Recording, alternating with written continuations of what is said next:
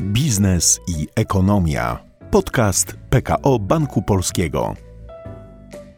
Innowacyjność nie jest dziś już dodatkiem i wyróżnikiem, ale warunkiem osiągnięcia sukcesu na rynku. Firmy coraz częściej szukają nowych sposobów rozwoju, a jednym z nich jest współpraca ze startupami. Jak wygląda ona w praktyce? Dziś potwierdzamy fakty i obalamy mity wraz z gośćmi. A jest z nami Grzegorz Ciwoniuk, współtwórca Workaj. Dzień dobry. Dzień dobry. Oraz Konrad Ozdowy, ekspert do spraw innowacji w PKO Banku Polskim. Dzień Dzień dobry. dobry. Jaka jest właściwie, panowie, definicja startupu? Zacznijmy od tego. Co to jest startup?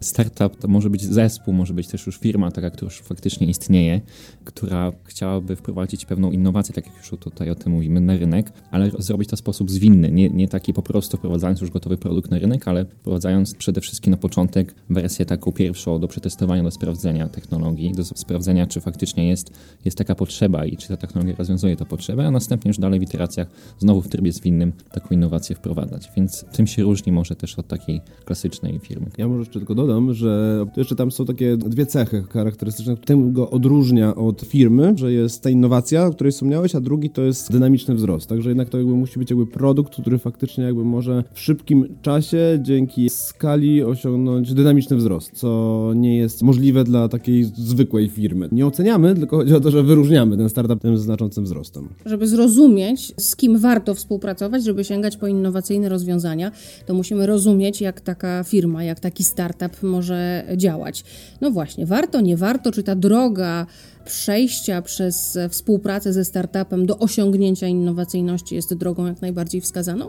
Tak, oczywiście, nie ma tutaj żadnej wątpliwości. Oczywiście jest też tak, że takie firmy jak nasza, duże firmy, duże korporacje, które no, przeżyły, mają swoje lata i przeżyły wiele rzeczy, muszą też się trochę jakby nauczyć innej, jakby innej sposobu współpracy właśnie z takimi młodszymi, mniejszymi trochę jakby podmiotami, właśnie bardziej dynamicznymi, zwinnymi. My jesteśmy bankiem, tak? W związku z tym, jeżeli my byśmy tworzyli produkt, no to byłby jakoś tam bankowy. Naszymi kompetencjami nie jest jakby tworzenie innych rozwiązań usprawniających nasze procesy i dlatego tutaj właśnie współpracujemy ze startupami, czy scale-upami, czy w ogóle innowacyjnymi firmami, które rozwiązania, w których nie jesteśmy specjalistami, oferują. A jeśli wy spotykacie się z firmami, nie tylko korporacjami, wielkimi przedsiębiorstwami, gdzie ta współpraca wygląda nieco inaczej i o tym też za chwilę powiemy, to mówicie im warto, bo ponieważ znowu jest, jest pewna zwinność i na początku też startup potrzebuje weryfikacji tych technologii czy swoich założeń, więc też jest bardziej skłonny dostosować produkt do pewnych potrzeb organizacji. Innowacja na samym początku jeszcze jej rozwoju jest relatywnie tańsza niż to, co byśmy za kilka lat znowu sprawdzonego, już takiego ułożonego na pudełku ładnie z półki zdjęli, więc na pewno to też jest kolejny argument. Dodatkowo jest pewna nowość technologiczna w tym, w definicji już takiego rozwiązania, czy takiej współpracy, tak, czyli takie trochę przełamywanie i challenge'owanie statusu quo tego, co jest na rynku, jakby też jest motorem napędowym samej działalności startupu i to też otwiera oczy i zawsze optymalizuje pewne rzeczy. Jeśli spojrzymy na cały rynek w Polsce, nie tylko na ten wycinek finansowy, ale na cały rynek, to jakie branże, jakie sektory najczęściej i najchętniej ze startupami współpracują? Finansowe już wiemy, ale oprócz? Tak naprawdę temat współpracy dużych firm z bankami wydaje mi się, że zaczął się od korporacji tych doradczych, które gdzieś jakby doradzając swoim no, klientom z założenia dużym, zaczęły im tłumaczyć, że fajnie, że zarabiacie, fajnie, że jakby macie jakby swoją ugruntowaną pozycję, natomiast no bez zmian, bez jakby nadążania na zmianami, a ten świat jednak szybko i dynamicznie się zmienia, no to, to możecie utracić ją. No i tu jest branża, nie wiem, spożywcza na pewno jest innowacja. Kto zaczął w takim razie? Grzegorz Ciwoniuk, współtwórca Workaj. Myślę, że rynek konsumencki, tak ogólnie mówiąc, każda branża tak naprawdę regulowana jest trochę takim wysokim progiem do wejścia. Zawsze trzeba pewne warunki spełnić. Przede wszystkim startup musi mieć i środki, doświadczenie i osobę, żeby spełnić takie warunki, żeby się wdrożyć. Więc na pewno właśnie wszelkie technologie konsumenckie, gdzie mamy i gadżety, i aplikacje, i, i strony, prawda, usługi jako takie, no to to jest rynek, który na pewno się otworzył pierwszy. No i dalej e-commerce i logistyka też zawsze jest chłodna takich innowacji, bo to zawsze jest optymalizacja pewnych kosztów. Powiedzieliście coś bardzo ciekawego o tym, że żeby sięgnąć po rozwiązania innowacyjne i startupowe, trzeba wyjść poza pewien schemat myślenia o własnym biznesie. Czy w Polsce to wyjście poza schemat w firmach nie wielkich, międzynarodowych, korporacyjnych. Bywają to firmy rodzinne, bywają to firmy z kapitałem rodzinnym, bywają to firmy, które mają wieloletnią tradycję. Jest trudne przełamać ten schemat myślenia o firmie i powierzyć innemu de facto przedsiębiorstwu, czyli startupowi, myślenie za nas? Trochę tutaj trzeba by pewnie wejść bardziej w szczegóły, bo to też zależy, czym się startup zajmuje i jaki proces chciałby przejąć. Jeśli mówimy o procesie, nad którym stoi cała organizacja, to pewnie będzie trudno powierzyć i zaufać. Powiedzieć, że od teraz to, to całym naszym transportem na przykład zajmuje się jakaś inna firma, albo całym naszym systemem bankowym, którego korzysta kilka milionów osób, się zajmuje jakaś inna firma, która jest, nie rok na rynku. To, to na pewno nie. Trochę zależy od procesu, w który wchodzi startup, ale też e, od nastawienia. Ja bym tutaj nie, nie, nie kategoryzował jakby rodzaju organizacji, nawet jeśli chodzi o duże korporacje, bo tam już częściej są operacyjne trudności, już nawet nie, nie jakiś mindset, bo już mamy wiele, wiele lat edukacji, czym jest startup i, i dlaczego warto, ale właśnie bardziej chodzi o nastawienie i tego, czym się zajmuje dana, dana organizacja. Czyli w małej firmie, w mniejszej firmie, w przedsiębiorstwie łatwiej temu startupowi powierzyć coś, co nie jest tym core biznesem. Jakieś działanie, które może pozwolić firmie na przykład wejść na nowy rynek albo zaproponować zupełnie nowe rozwiązanie. Od tego powinniśmy zacząć myślenie o współpracy ze startupem? Myślę, że tak. Na pewno od procesów, które można w jakiś sposób przetestować, w których można też oczywiście od razu wartość zobaczyć, bo jak nie widzimy wartości, to ta współpraca nie ma sensu. I później wchodzić dalej, tak dalej tą innowację wprowadzać, dalej ją rozszerzać na kolejne działy działalności danej organizacji, aż w końcu widząc ten zysk czy optymalizację, już w pełni zaufać i podjąć współpracę to nie jest do końca tak, w sensie może tak być, ale niekoniecznie, że przekazujemy jakby czy startupowi, czy tej firmie zewnętrznej główne procesy. No te główne procesy jednak w większości firm są robione no jakby wewnętrznie, to są jakieś tam core biznesu. Natomiast tutaj często startup pomaga przy współpracy z dużym podmiotem. Na przykład w przypadku powiedzmy logistyki, o której też się pokazał, no to okej, okay, to nie jest tak, że dana firma duża nie będzie współpracowała z daną dużą firmą logistyczną. Będzie, tylko za pomocą narzędzia, które daje startup i dzięki temu ta współpraca będzie szybsza i lepsza. To są jakby procesy, które są wdrażane w dużych organizacjach, które faktycznie zamieniają poprzednie procesy, na pewno startupy pomagają dużym firmom rozszerzyć swoje działalności do, dla nowych klientów, nowych rynków. To znaczy, że powinniśmy myśleć trochę o startupie jako o narzędziu? Tak, no bo to jest usługa. Współpraca z startupem jest dlatego, że potrzebujemy jakiegoś produktu albo naprawy jakiegoś procesu. No i w momencie szukamy na rynku jakby najlepszego rozwiązania. No możemy skorzystać z dużych firm technologicznych no i z dużych dostarczycieli tych firm, co kiedyś były startupami, a dzisiaj są największymi firmami na świecie oferującymi te rzeczy, no ale z drugiej strony te firmy też już trochę są mniej dynamiczne niż były wcześniej. Plus no też oczywiście za tym idzie jakiś taki element na przykład dla nas, że gdzieś jesteśmy polskim bankiem, polską firmą, w związku z tym trochę mamy ten cel i misję współpracy z podmiotami lokalnymi no bo to jest fajne, bo możemy, no jesteśmy dużą firmą, wydaje nam się, że jak wdrożymy dany startup, no to on może być łatwo tym scale-upem albo tam w ogóle iść do góry, no dlatego to chcemy robić, ale tak, no startup to jest usługa, no, która realizuje naszą potrzebę. A co to znaczy szukać startupu? Gdzie szukać startupu? Gdzie szukać tych innowacyjnych rozwiązań, nowatorskich pomysłów i technologii? Wyjść na rynek i co zrobić? Każdy startup, który chce faktycznie wejść na rynek, no, powinien być jakoś widoczny. To jest pewnie research, ale jeśli chodzi o takie większe korporacje, to są to najczęściej programy akceleracyjne, programy scale-upowe również. Już, już w Polsce kil, kilka takich dosyć uznanych. My tutaj też z bankiem się poznaliśmy bodajże w 2018 na jednym z takich programów, był to MIT Enterprise Forum Poland w ramach takiego programu najczęściej startup ma możliwość wdrożenia MVP projektu u dużej korporacji, dostosowując do pewnych potrzeb i wtedy korporacja sprawdzając tą współpracę też jest w stanie później po zakończeniu tego pilotażu podjąć dalszą współpracę już komercyjną.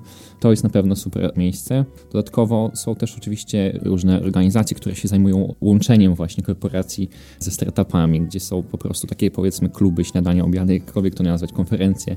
Jest pewien temat, powiedzmy, że usprawnienia w procesach HR-owych Wtedy pojawia się grupa startupów, takie jak my na przykład, i robimy pitch przed organizacjami, które szukają właśnie takich rozwiązań z obszaru HR-owego. I wtedy też jest czas na takie porozmawianie, networking i przekazanie kontaktu i dalszą ewentualną współpracę. Ale nie jestem korporacją, to co mam zrobić?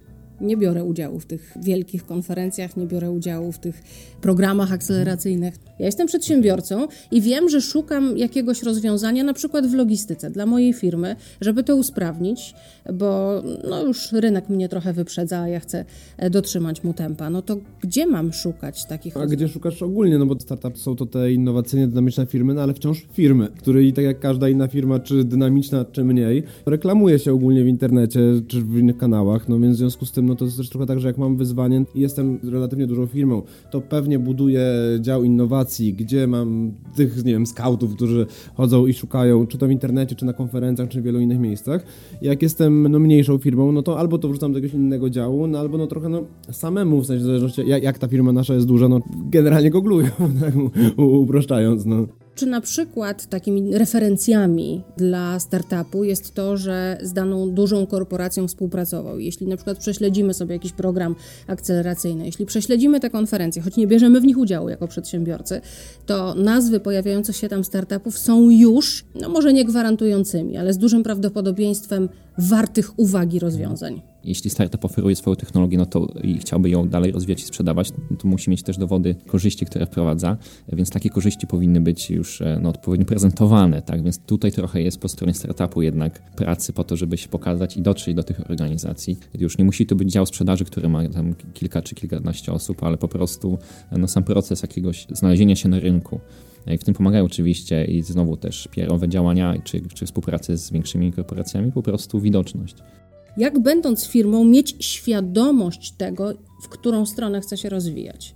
Jak dojść do tego, jakiego startupu ja chcę szukać generalnie no, albo korzystamy z usług doradczych firm, albo budujemy sami u siebie działy strategiczne, działy rozwoju, nawet działy handlowe, wydaje mi się, które może nie są tak bezpośrednio związane z rozwojem e, firmy, no to też jeżdżąc po targach, konferencjach czy wydarzeniach, na których sprzedają dany produkt tej firmy, no to też widzą, jak inne firmy to sprzedają, jakby w jaki zaczynają się reklamować, że właśnie, że może już nie targi, może ten metaverse, a może, nie wiem, jakieś coś jeszcze innego, tak? Przede wszystkim warto otwierać oczy wszystkim pracownikom, tak? że robić nie wiem, szkolenia, warsztaty, jakkolwiek, budować w nich otwartość na nowe technologie, żeby każdy pracownik właściwie mógł przyjść do nie wiem, szefa czy do danego działu i powiedzieć mu, hej, spróbujmy nowocześniej.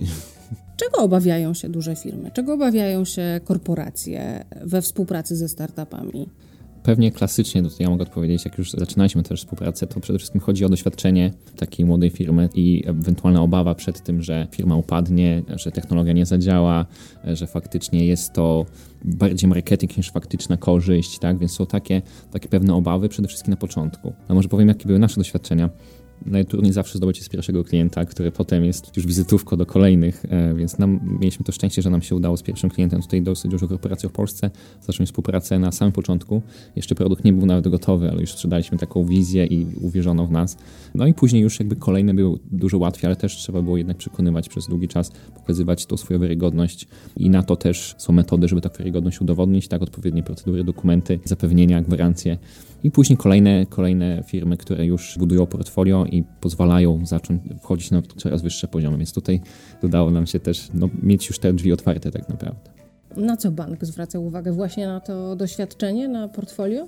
No dodatkowo jeszcze oczywiście jako duża firma mamy jeszcze temat tak zwany compliance'owy, tak czyli trzeba zweryfikować firmę, czy skąd ma te środki, czy jest bezpieczne, no bo też pamiętajmy, że startupy, scale-upy mają też to do siebie, że mają no, inwestorów często, tak, a ci inwestorzy mają swoich inwestorów, no to my musimy być pewni, że, że dana firma, z którą współpracujemy, no jest firmą, no nie wiem, nazwijmy to bezpieczną, zatwierdzoną. Największym ryzykiem dla mm, dużej firmy, no to jest jakby obawa przez tym, że startup się przekręci, że tak powiem brzydko, że po prostu my, nie wiem, zainwestujemy w niego, w sensie czas, pieniądz, kupimy tą usługę, tam jest to nazwane ryzykiem, więc, więc to faktycznie trzeba, trzeba to zrobić. No i inne tematy, które już Grzesiek powiedział, dokładnie takie są. Jakie PKO Bank Polski ma doświadczenia ze współpracy ze startupami? To jest też trochę tak, no, że my to swoje doświadczenie budujemy od przeszło, znaczy tak naprawdę dłużej niż 5 lat, bo od 5 lat to jest tworzony dział współpracy ze startupami. Wcześniej ta współpraca była przez różnego rodzaju programy inkubacyjne, akceleracyjne, między innymi MIT, o których Grzesiek wspominał, ale tam też, też wieloma innymi. My wciąż współpracujemy z tymi programami, natomiast teraz już też mamy jakby swoje własne wewnętrzne kompetencje do analizy. No, my zawsze robimy tak, że jeżeli współpracujemy z startupami, najpierw robimy pilotaż na jakimś mniejszym wycinku, a dopiero potem robimy duże komercyjne wdrożenia. No to wynika po pierwsze, no, że to jest startup, jest to nowatorski produkt, w związku z czym chcemy go zrozumieć, a dwa, żeby gdzieś szybciej przetestować, no to mamy stworzoną taką możliwość robienia pilotaży.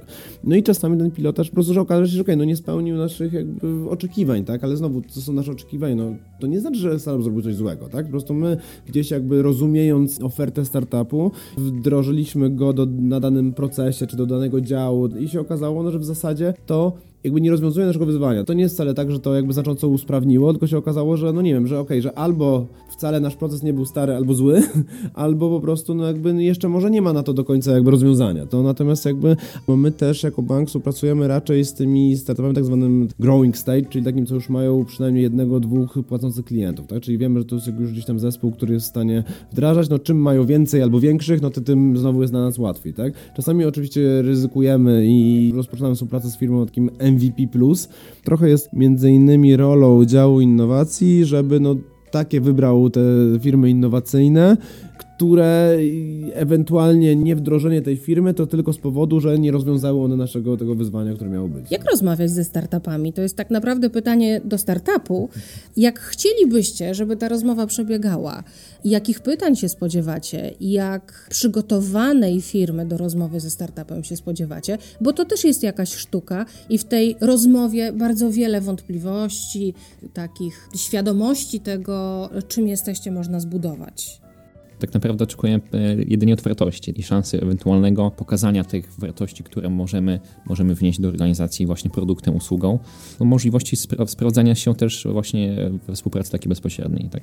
I to, to jest jedyne, czego byśmy mogli oczekiwać, bo tak czy inaczej to jest biznes. E, nie oczekujemy ża żadnych ulg, żadnego ułatwienia jako takiego, którego normalnie byśmy nie mieli.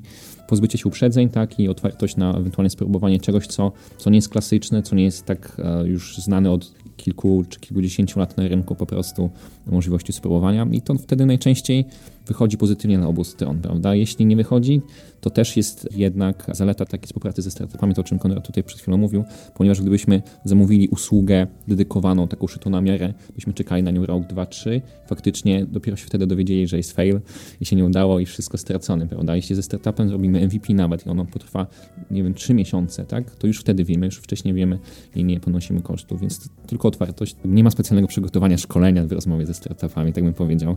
Powinna być to firma, która faktycznie no, umie pokazać tą wartość, umie sprzedać swój produkt i się dogadać z inną firmą, tak? Czy to będzie duża, bardzo duża, czy może mniejsza, ale faktycznie z odbiorcą, do którego chce trafić. Z jakich startupowych rozwiązań korzysta PKO Bank Polski? Co z tej otwartości PKO na startupy wyniknęło dla Was? My dzięki startupom na przykład możemy naszym klientom oferować zakup w naszej aplikacji biletów na komunikację miejską. Wydawałoby się współpraca banku, na przykład z ZTM w Warszawie, ale ten proces jest oferowany przez startup, bo ani bank nie ma takiej, nie wiem, maszynki, ani ZTM nie ma usługi powiedzmy łączącej, w związku z tym jakby to, to są te procesy. W innych tematach, no to mamy też wiele takich jakby procesowych wsparć od startupów, taki nasza chyba najbardziej flagowe dotychczas wdrożenie, startup CoinFirm, który mm, jest taki polsko-brytyjski startup. Mieliśmy wyzwanie trwałego nośnika, które wyszło od regulatora, że umowy mają być teraz na trwałym nośniku. Czym jest trwały nośnik? To jest generalnie podpisanym dokumentem z brakiem możliwości zmiany, tak? Czyli wszystkie PDF-y odpadają. To musiał być po prostu wydrukowany bądź na płycie CD. Myśmy spytali regulatora, czy blockchain też może być trwałym nośnikiem. Regulator powiedział, że ok. No i jakby dzięki temu wdrożeniu oszczędzamy kilka milionów, 5, 6, 7 milionów rocznie. Przez to, że jesteśmy no, największym polskim, największym bankiem Europy Środkowo-Wschodniej, to okej, okay, to fajnie brzmi, ale ja teraz nie mówię tego, żeby się chwalić, tylko mówię o tym, że mamy bardzo dużo umów, bardzo dużo procesów, bardzo dużo klientów, przez to naprawdę u nas jakby usprawnienie procesu, nawet, nawet jakiegoś takiego prostego, nie wiem, zamiana drukowania dwustronnego, to są oszczędności w rzędach milionów i pieniężnie, i środowiskowo. Generalnie tak mówiąc liczbowo, to mamy 35 wdrożeń startupowych, ale no przeanalizowanych takich faktycznych rozwiązań mamy ponad tysiąc, tak, więc no nie z każdym współpracujemy, nawet jeżeli chcemy, a dwa, też trzeba pamiętać, no, że ta współpraca z startupami chwilę trwa, tak, i to też jest trochę, no, że my no nie jesteśmy w stanie pewnie więcej niż z kilkoma rocznie jakby zrobić pilotażu, no, kilkunastoma może, no. A czy wy jako startup, wchodząc do organizacji, do korporacji, ale i też do innych firm, zmieniacie ją od środka? Chcąc, nie chcąc? Pewnie bardziej chcąc. Zmieniamy pewne procesy, które już są zastane, bo jakby to jest, to jest definicją jakby też startupu i też naszym celem, żeby te procesy nie zmieniać, tak ogólnie zmieniać, tylko zmieniać na lepsze, czyli usprawniać, tak, e, dawać oszczędności, dawać e, lepsze doświadczenie. W naszym przypadku to jest doświadczenie pracowników danej organizacji, więc to jest dosyć duży wpływ, bo potem doświadczenie pracowników wpływa na ich efektywność, na ich zaangażowanie i czyli na zyski bądź oszczędności organizacji. Więc powiedziałbym, że tutaj e, dużo, dużo zmieniamy w takiej kwestii znowu pracy organizacji, ale nie bardzo bardziej w mindsetie tylko tych procesów. To też nie jest tak, że przychodzimy i robimy jakąś rewolucję taką duchową czy myślową. To zupełnie nie o to chodzi, ale bardziej procesową i w tym bardzo e, widzimy też pewną misję, żeby te takie zastane procesy, które już od kilkudziesięciu lat są takie skostniałe, stwierdziałe i wszyscy się do nich przyzwyczaili, bo tak musi być, wszyscy na nie narzekają, ale tak musi być, bo tak było zawsze, żeby właśnie je trochę usprawnić tą innowacją i wtedy wszystkim się trochę lepiej żyje i pracuje przede wszystkim. Czy mimo wszystko dostrzegacie, że kiedy wpuszcza się trochę tego świeżego powietrza do firmy, zmienia się jakiś proces, usprawnia się go, to rozlewa się to poczucie na firmę, że można zmienić więcej, że stajemy się bardziej otwarci, mhm. że ktoś wniósł nową energię i nowe możliwości. Nie, nie mówmy tak, że wszyscy są skostniali, tylko bardziej może czasem nie ma czasu, czasem nie ma zasobów ludzkich, żeby się czymś zająć, prawda?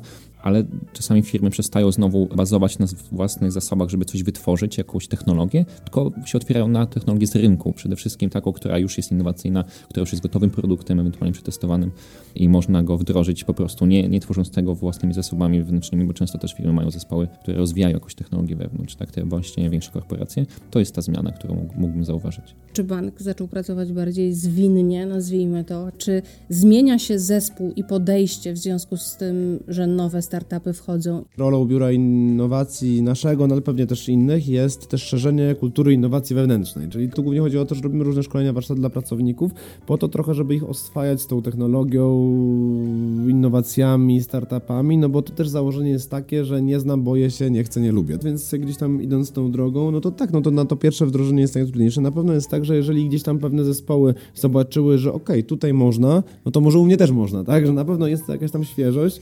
Trzeba obalić parę mitów na temat startupów. Jakie najbardziej pokutują, z jakimi najczęściej się mierzycie i kiedy trzeba po raz kolejny powiedzieć nie, to nie jest tak, jak myślicie. Na początku powiem, że jest, jest ich coraz mniej. Właśnie tu już wieloletnia edukacja organizacji pewnych, które się zajmują promocją i tej kultury innowacji i samej innowacji. Stało się to też trochę modne więc każdy by chciał być innowacyjny, ale ogólnie w pojęciu mitów, a jest ich coraz mniej, więc to nas też cieszy. A takim najbardziej chyba klasycznym jest właśnie obawa przed tym, że startup się zwinie, że po prostu upadnie szybko, no dopiero zaczyna, więc jakie są szanse na powodzenie i tym podobne. I, i, I, na pewno to jest duża rola też startupów, żeby to udowadniać, że faktycznie tak nie jest. Że nie jest tak, że mamy pierwszy miesiąc działalności, już 10 nagłówków PR-owych, że super nowoczesne coś, a potem już cisza i nic, albo za chwilę, że upadł. To też jest pewna pułapka, w którą wpadają młode startupy, żeby szybko pokazywać swoją wielkość na takim poziomie, na którym nie istnieje to też trzeba trochę bardziej dojrzale patrzeć na obie strony. Wydaje mi się, że właśnie przeświadczenie, że jeśli innowacyjne, to musi być coś, co jeszcze nigdy w życiu nie istniało, nikt, nikt na to nie wpadł. A to też jest taki trochę mit. To nie znaczy, że, że teraz wymyślę jakiś pierwiastek nowy albo jakąś technologię, która wcześniej nie istniała, bo często się innowacyjność opiera na usprawnieniu czegoś, co już istnieje przez jakiś nawet mały proces, tak? niekoniecznie nawet technologiczny ten proces, czy przez jakiś produkt. Czasami innowacyjność polega nawet na znalezieniu nowego modelu biznesowego w firmie. Tutaj też Konrad opowiadał o takim czymś, co byśmy nie pomyśleli w banku, czyli możliwość kupowania biletów w aplikacji bankowej, prawda? I to jest nowy model biznesowy, który startup wprowadza. Nie jest to innowacyjność, da się kupować bilety wszędzie, i w autobusie, i w innych aplikacjach, ale innowacyjność w sensie nowa usługa, nowy model biznesowy, czy pewne nowe podejście podejście w czymś takim. Jest taki dwa bym pewnie wymienił. A najcenniejsze doświadczenia ze współpracy ze startupami jakie są? to, co daje właśnie jakby ten powiew świeżości, ten powiew trochę też świeżości takiej proceduralnej właśnie od startupu, to właśnie jest trochę takie skupienie się, hej, pomyślcie o tym, że może skoro macie ten proces od 50 lat, to może 50 lat temu faktycznie, nie wiem, ten punkt był potrzebny do wypełnienia, ale może on dzisiaj już nie jest potrzebny szukam rozwiązania i odnajduję firmę, która takie rozwiązanie oferuje. Od momentu, kiedy ona nam się przedstawi, pokaże swoje portfolio, pokaże swoje możliwości, do momentu, kiedy dany proces w mojej firmie mogę uznać za zakończony, usprawniony dzięki temu rozwiązaniu, jak długo trwa zazwyczaj współpraca ze startupem? Tak naprawdę sama współpraca dzieli się na kilka części oczywiście, tak, czyli znowu jakieś spotkanie, negocjacje, potem sprzedaż czy wdrożenie, czy MVP, ale jeśli byśmy powiedzieli o takim klasycznym procesie, przynajmniej z naszej perspektywy, jeśli już się organizacja decyduje, bo tu znowu jest proces sprzedażowy, to od momentu właśnie powiedzmy podpisania umowy do zobaczenia korzyści, w naszym przypadku jest to średnio 3 miesiące w takiej dużej korporacji. To też jest zaleta pewnej innowacji, którą my wprowadzamy jako produkt i znowu to jest startup zazwyczaj oferuje produkt, gotową usługę pod to, żeby już z niej skorzystać, ją skonfigurować, ewentualnie dostosować, więc to też nie jest tak, że w klasycznym podejściu byłoby znowu zebranie wymagań, rozpisanie przetargu, programowanie tego od zera tak naprawdę, albo na jakiejś już podstawie, testowanie, znowu programowanie i to się dzieje wtedy przez rok, dwa, trzy i po tych trzech latach to już nawet nie jest innowacyjne, bo już jest coś innego na rynku. Więc my jako startup zawsze mówimy, Słuchajcie, dzisiaj wam to instalujemy i jutro możecie zaczynać pracę. Po trzech miesiącach macie wszystkich pracowników już, już zonboardowanych, już wszyscy znają to narzędzie, wszyscy korzystają, już widać statystyki, widać jaką to korzyść przynosi i to też jest jedna z naszych innowacji. Skróciliśmy ten proces właśnie z 18 miesięcy, 24 do 3 miesięcy, tak uśredniając. Tak? Czasami to jest krócej, czasami jest dłużej, znowu też trochę zależy od procesów organizacji, ale wciąż jest to kilka razy krócej niż było wcześniej. Grzegorz Ciwoniuk, współtwórca Workaj oraz Konrad Ozdowy, ekspert do spraw innowacji w PKO Banku Polskim. Bardzo dziękuję za Dziękujemy. to Dziękuję spotkanie. bardzo. A podcastu Biznes i Ekonomia możecie słuchać na Google Podcast, Apple Podcast, Spotify i YouTube. Do usłyszenia. To był Biznes i Ekonomia. Podcast PKO Banku Polskiego.